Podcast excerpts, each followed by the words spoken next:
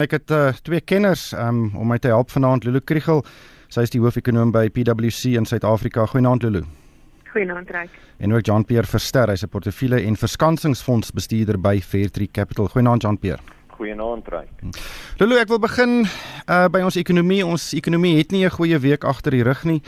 Uh ons het uh, gehoor dat uh, die ekonomiese groeikoers in die eerste kwartaal uh, gekrimp het of gedaal het. Dit is negatief 3,2%. Dit is die die grootste daling uh van ons ekonomie in een kwartaal sedert 2008. Dis die naas grootste daling die afgelope 20 jaar. Ehm um, die daling was meer as dubbel wat ekonome verwag het en die rand het skerp verswak en ons staatsefekkoerse het ook met omtrent 15 basispunte gestyg. Uh, wat het jy van die aankondiging uh, gemaak?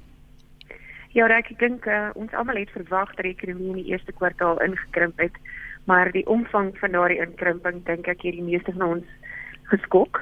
Ehm um, die as ons gaan kyk na al die syfers wat ons gehad het vir die eerste kwartaal het ons gedink dat ons ten minste met uh, 1.5 tot 2% inkrimping sou sit, maar hierdie was skokkende nuus en dit was deur die bank alle sektore behalwe uh vir uh, staatsdiensondernemings en dan ook vir die finansiële dienste uh, wat 'n bietjie van 'n positiewe syfer ehm um, gehad het in die eerste kwartaal. Maar deur die bank al die ander sektore uh baie dramatiese inkrimpings veral in die primêre sektore soos landbou, mynbou, uh die vervaardigingssektor, konstruksie, oral waar ons moet werk skep basies ehm um, het ons groot inkrimpings gesien. Ja, die vinger is gewys na beerdkrag en ook stakings in die mynboubedryf. Uh, hoe hoe groot was die impak van beerdkrag?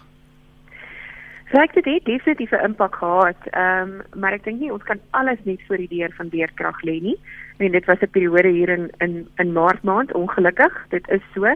Dit het definitief 'n impak gehad, maar ek dink um, wat waarskynlik nog van groter belang was is die voortdurende of voortsleepende onsekerheid uh, rondom um, ekonomiese beleid en en die impak wat dit gehad het op besigheidsvertroue en ongelukkig het ons reeds van dit sien oorspoel na die tweede kwartaal toe. Ek meen ons het syfers byvoorbeeld gekry nou alreeds rondom motorverkope, nuwe motorverkope uh, vir April en Mei en beide daardie maande uh, ook 'n redelike skerp insinking en gesien 'n nuwe motorverkoop en dit is altyd nogal 'n goeie leidende indikator om vir ons 'n aanduiding te gee van waar verbruikers is. So ek dink selfs die tweede kwartaal van hierdie jaar ehm um, verwag ek ook nog steeds nie goeie nuus nie. Hmm. John Pierre? Ja, ek sien sommer wat Lulu gesê het en veral die laaste deel in terme van as ons vorentoe kyk na van hierdie leidende leidende indikators dan uh, lyk dit nog steeds selfs partykeer net so sleg en nie slegter vir die tweede kwartaal nie. Nou ons is amper aan die einde van die kwart, tweede kwartaal sien dat ons nou in middel Junie nou is. Maar alreeds as mens kyk na wat spesifieke maatskappye gesê het in hulle historiese resultate, byvoorbeeld Mr Price, is dit dat hulle selfs 'n moeiliker periode in die komende 6 maande verwag, soos wat uh, ondernemings nog steeds onder druk is en verbruikers uh uh sentiment nog steeds baie swak is. So as dit die geval is, beteken dit dat baie Suid-Afrikaanse maatskappye nog steeds onder winstdruk sal wees. En ons daai syfers miskien sal sien in die tweede hand se tweede kwartaal se ekonomiese syfers. Maar die leidende syfer altyd of die leidende indikator van ekonomiese groei is maar die aandelebeurs en ons rand. En as mens na daai twee indikators kyk ehm um, dan lyk dit definitief asof daar nog steeds druk is uh, in die tweede kwartaal op besighede en die ekonomie in die geheel veral as ons kyk na die rand en natuurlik die politieke impak daarop ook. Hmm, ons gaan nou kyk na die wisselkoers. Maar Lulu, die dis nie net die ekonomiese groeikoers wat uh geraak word natuurlik of die grootte van die ekonomie nie. Um baie van ons uh fiskale verhoudings is gekoppel aan die BBP en as die ekonomie basies krimp, dan raak daardie verhoudings um groter soos die tekort op die die begrotingstekort en ook hmm. die uh, die um verhouding van skuld tot BBP wat 'n baie belangrike ene is uh, en ons verwagting is is rondom 4.5% begrotingstekort en dan ook omtrent 58% uh skuld tot BBP. Hoe gaan hierdie verhoudings geraak word? Ja, ek um, toe ons aan die begin van die jaar uh, byvoorbeeld ons berekenings gedoen het rondom waar ons teen volgende jaar Februarie kan opeindig in terme van die begrotingstekort, het ons nog met 'n groeikoers van omtrent 1.5% uh vir die jaar gewerk, tussen 1.5 en 2%. En ons weet dit baie onwaarskynlik is dit stadig gaan uitkom. So uh, wat dit uiteindelik gaan beteken is dat ons verdere druk gaan sien op belastinginkomste veral van besighede af. So dat die belastingbasis gaan sukkel om te groei.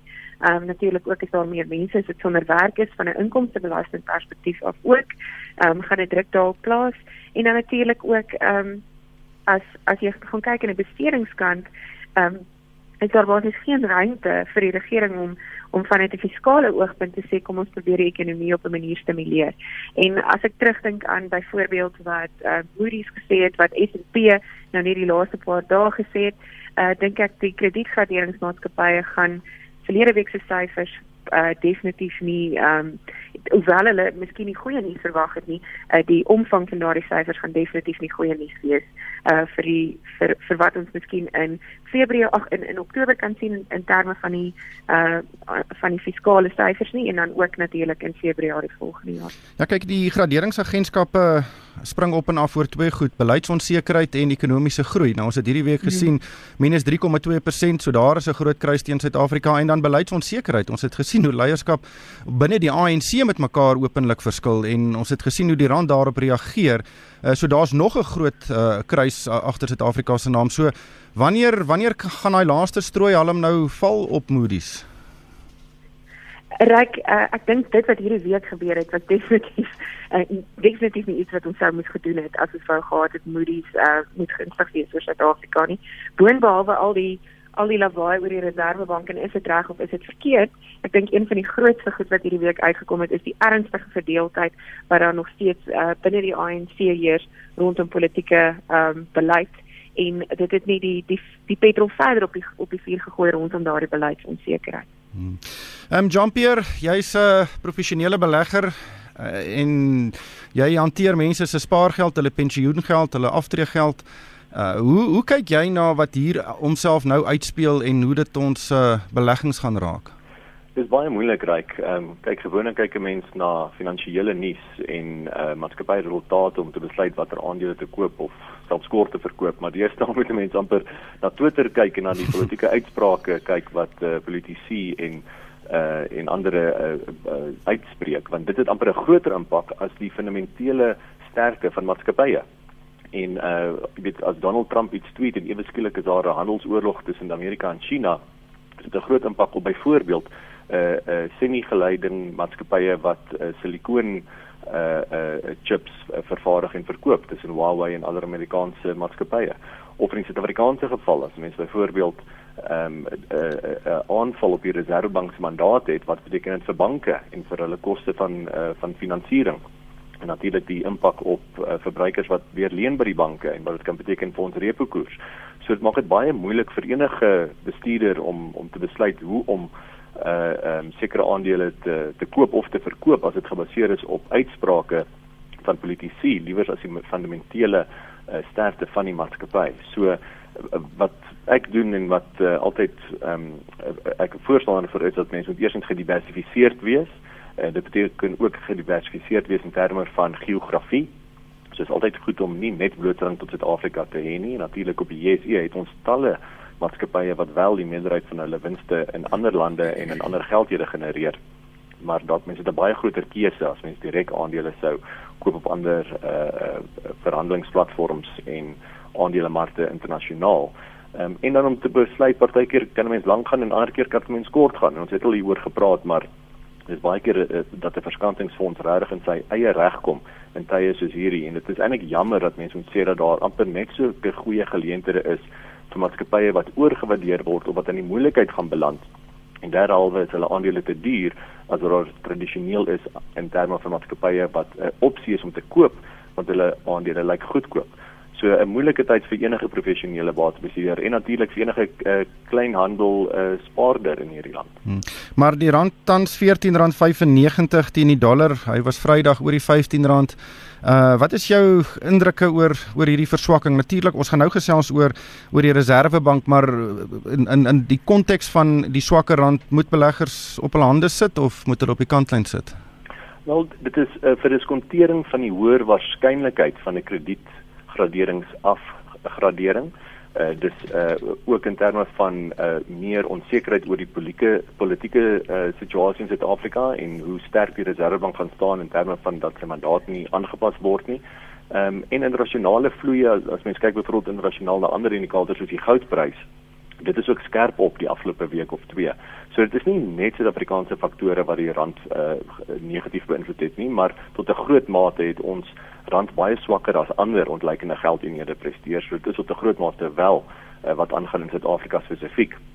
En ek maak nie vooruitskattinge van die sterkte van die rand op die kort termyn nie. En mens moet sien op 'n langtermynbasis lyk like die rand veral swak as mens kyk na uh pariewaarde van wat mens kan koop met die rand teenoor wat mens in ander geldeenhede kan koop, soos byvoorbeeld die Big Mac indeks. En mens sou sê dat die rand is miskien baie swak op 'n op 'n langtermynbasis, maar in die korttermyn kan die rand baie ver beweeg van daai teoretiese waarde van die rand. So mense moet maar en en daarom sê ek as 'n mens nie op die korttermyn kan voorspel wat die rand gaan doen nie en mens kan nie, is dit goed om gediversifiseerd te wees oor die geografie van be beide blootstelling kry in Suid-Afrika en oorsee. Ja. Ehm um, Lulu, wat is jou gedagtes oor die rand en hoeveel van die verswakking wat ons hierdie week gesien het kan ons voor die deur van uh, uh ons plaaslike politici lê en hoeveel voor die deur van die buitelandse politici? Ja, uh, ryk dis 'n bietjie van 'n Engels is al 'n perfect storm op die oomblik. Uh, maar ek wil saam met jou stem uh dat dit is 'n kombinasie van faktore. Uh Trump en China natuurlik wat en en bekommernis oor die uh ekonomie in die VSA en internasionale ekonomiese groei en ons het ook onder andere in Japan gesien dat daar samesprekings was die laaste paar dae uh rondom uh wat wat nou vir die vir die internasionale of vir die wêreldekonomie met hierdie handelsoorlog. So dit het uiteraard ehm, 'n um, impak gehad op ontleikende markte en ook byvoorbeeld op Suid-Afrika, maar ek is bevrees dat 'n baie groot gedeelte van die lawaai wat ons verlede week gesien het rondom die rand was as gevolg as gevolg van die Reserwebank en die swak ekonomiese syfers. As jy net gaan kyk het na wanneer die grootste veranderings beweeg gebeur het um, onmiddellik na die BBP syfers aangekondig is en toe nou uh, daarop volgens uh, met die onsekerheid rondom die Reservebank. Maar ek dink wat vir my meer kommerwekkend is is dat um, daar nie veel van 'n verandering was nadat president Ramaphosa gesê het luister hierdie verandering in die mandaat van die Reservebank is inderdaad nie ANC beleid dit is nie wat ons besluit het om te doen nie en uh, die markte het hulle nie veel daarin gesteer nie so dit sê net vir my op hierdie stadium is daar nie baie geloof ehm um, in in die ANC en uh, die regerende party se ehm um, se beleidsbesluit en waar hulle op pad is nie. Ja, maar daai verklaring, sy verklaring het 2 dae na die tyd uitgekom. Ehm um, mm. Tito Mboweni het onmiddellik op Twitter 'n uh, reaksie gelewer teen Ysmagashule se uitlatings en ook ehm um, Enoch Godongwana, die hoof van die ANC se ekonomiese transformasie komitee, hy het ook uh, vinnig gereageer, maar die president het nie. En ja. uh, uh, uh, lees jy iets daarin? dit kan wees ehm um, dat ek ek weet hy het vroeër vroeër in die jaar ehm um, rondom Maart maand die president Ramaphosa self ook uh, geleide in dieselfde rigting gemaak en selfs na die uh, na die Legotla het hy geleide in dieselfde rigting gemaak en ek het gedink dat hy miskien daarom stil gebly het. Ehm um, ek ek sien dit nie as iets positiefs dat hy dat hy nie onmiddellik gereageer het nie. Ehm um, inteendeel ek ek ek het gedink miskien probeer hy tyd koop, miskien is daar selfs aan sy kant af nie heeltemal eensstemmigheid ehm um, rondom uh jy weet waar waar dinge met hom gaan nie want veral omdat Ngweni en uh, Gondongwana onmiddellik gereageer het. Ek het nie gehou van die feit dat ons nie dadelik iets van president Ramaphosa gehoor het nie. Ja, John Pierre het daai aand gesels met uh, Letitia Kanyago die president van die Reserwebank op RC geldsaake en uh, hy het nie baie kritiek uitgespreek direk nie, maar mens kon hoor hy is so kwaad, hy kan omtrent nie op sy stoel sit nie. Ehm um, en dit wys vir jou hier is baie baie spanning tussen baie belangrike instansies in ons land. Ja, inderdaad. En uh, 10 minute nadat Ramaphosa wel uitgekom het, het hy Smagashule 'n uh, 'n tweet of soms liewer sê daar was 'n tweet van sy rekening gister later gesê 'n ja. valse tweet was. En dan van weer eens die, die president loodreg uh ehm um, teen gegaan het wat wat Ramaphosa gesê het. So dit tel, dit wys nou in openbaar hoe hoe uh, baie in, intensief hierdie geveg nou tussen die faksies in die ANC raak. En dit al weer 'n geval dat ek vir die hele ruk in Suid-Afrika nou al op 'n politieke en mens kan self sê ekonomiese mespunt. En gelukkig elke keer as dit lyk asof ons op die oor die afgrond gaan gaan val, dan gebeur daar iets positiefs en ons bly op die pad en op hierdie mespunt. So eh, wie weet, ons sal moet sien wat die volgende week inhou. Daar's die openbare beskermer wat nog steeds kyk na Cyril Ramaphosa self in terme van uh, wat gesê is met die skenking aan Bosasa vanaf Bosasa. En ehm um, daar word definitief 'n spel gespeel wat ons nie noodwendig almal besef nie of al die details van weet nie agter die skerms tussen hierdie faksies jy mens maar net hoop dat Suid-Afrika op hierdie aan die positiewe kant van die mespunt bly en dat Ramaphosa wel die met sy uh, sy lang skaakspel die regte skuwe maak uh dat ons die positiewe uitkoms het want uh, nie een van ons wil die negatiewe uitkoms hê uh in terme van die verkeerde faksie wat wen nie. Ja, absoluut. Ehm um, jy het vroeër daarna verwys ehm um, uh Jean-Pierre, die kommoditeitsmarkte het mooi geloop. Die goudprys sedert 29 Mei is 5% hoër. Uh die olieprys uh, is 15% laer en die platinumprys is 2% hoër. Ehm um, Lulu, uh olieprys 15% af. Kom ons sluit af op goeie nuus. Wat dink jy daarvan en hoekom is dit soveel laer? Ja, dis 'n uh, dis 'n uh, 'n redelike groot verligting uh vir ons Suid-Afrikaners, veral as jy dit nou kombineer met die met die swakker rand. So hopelik sien ons 'n bietjie lig aan die einde van die tonnel daar en ehm um, is dit ook goeie nuus uh van 'n inflasie perspektief. Ehm um, natuurlik uh, interessante ehm um, dit is maar basies gedryf op hierdie stadium deur oorproduksie internasionaal, maar ehm um, daar is ook reeds beweging van OPEC af om te sê of Opel um, om te sê hulle wil kyk of hulle produksie um, kan verlaag om, om op daardie manier weer oliepryse opwaarts te druk. Maar ook al natuurlik baie minder um, impak op die wêreldoliemarkte as wat hulle vroeër gehad het. Nou is dit wat onder andere Amerika en baie ander plekke in die wêreld daarin kon slaag om hulle eie olieproduksie heelwat uit te brei. So dis nie meer so maklik vir net een party om om te bepaal wat wat in die olie of op die oliemark te probeer uh, gebeur nie. Ja. Ehm um, uh Jean-Pierre, die goudprys heelwat hoër. Ek dis nou natuurlik nou nie meer so belangrik vir so Suid-Afrika in die verlede nie, maar uh baie opsigte word dit is dit nog steeds kritiek veral met die kapitaalvloeie wat dit genereer. Uh wat wat dryf die die goudprys op die oomblik? Ja, ek ek dink jy gaan my oor die Bitcoin prys vra. So ek ons is nog nie heeltemal daar nie. Maar ja, weer eens as mens uh, sien wat gaan aan veral tussen Amerika en en China in terme van uh, die handelsoorlog en en net oor die oor die algemeen as mens kyk na die tipe van 10 jaar koerse van Amerikaanse skuldbriewe en ander regeringsskuldbriewe wat heelwat laer is die afgelope week en die afgelope maand of 6 dan wys dit daar's definitief 'n uh, 'n hoër waardering vir die risiko's in die globale ekonomie. En sodra en solank dit gebeur is dit altyd goed vir goud so uh, met uh, met 'n uh, lae risiko op tyd is dit goed vir goud. En ten minste kan mense sê dat die die goudmyne wat genoteer is in Suid-Afrika sal baat vind daarbey maar natuurlik is dit beter vir ons ekonomie eintlik as ons 'n sterker rand het. Uh, alhoewel die swakker rand goed is vir die goudmyne en die ander myne oor die langtermyn so ons 'n sterk rand omdat ons meestal 'n invoerder is van verwerkte produkte en 'n uitvoerder is van reprodukte, primêre produkte. So 'n sterk rand is baie beter vir ons as 'n swak rand. Ja. Ja, die die goudbulle het my uh verskeie e-posse gestuur hierdie week. Uh die goudprys het mooi beweeg. Isie Bagger het ons altyd gesê koop goud en as goud val dan koop nog. En uh sommer dis ten minste een van die goeie weke vir die goudbulle. Maar ongelukkig het die tyd ons ingehaal. Baie dankie aan Lulu Kriegel. Sy is die hoofekonoom by PwC in Suid-Afrika en ook Jean-Pierre Verster, hy 'n portefeulje en verskansingsfonds bestuurder by Fairtree Capital. En vir myself Ryk van die Kerk, dankie vir die saamluister en ek hoop almal het 'n winsgewende week.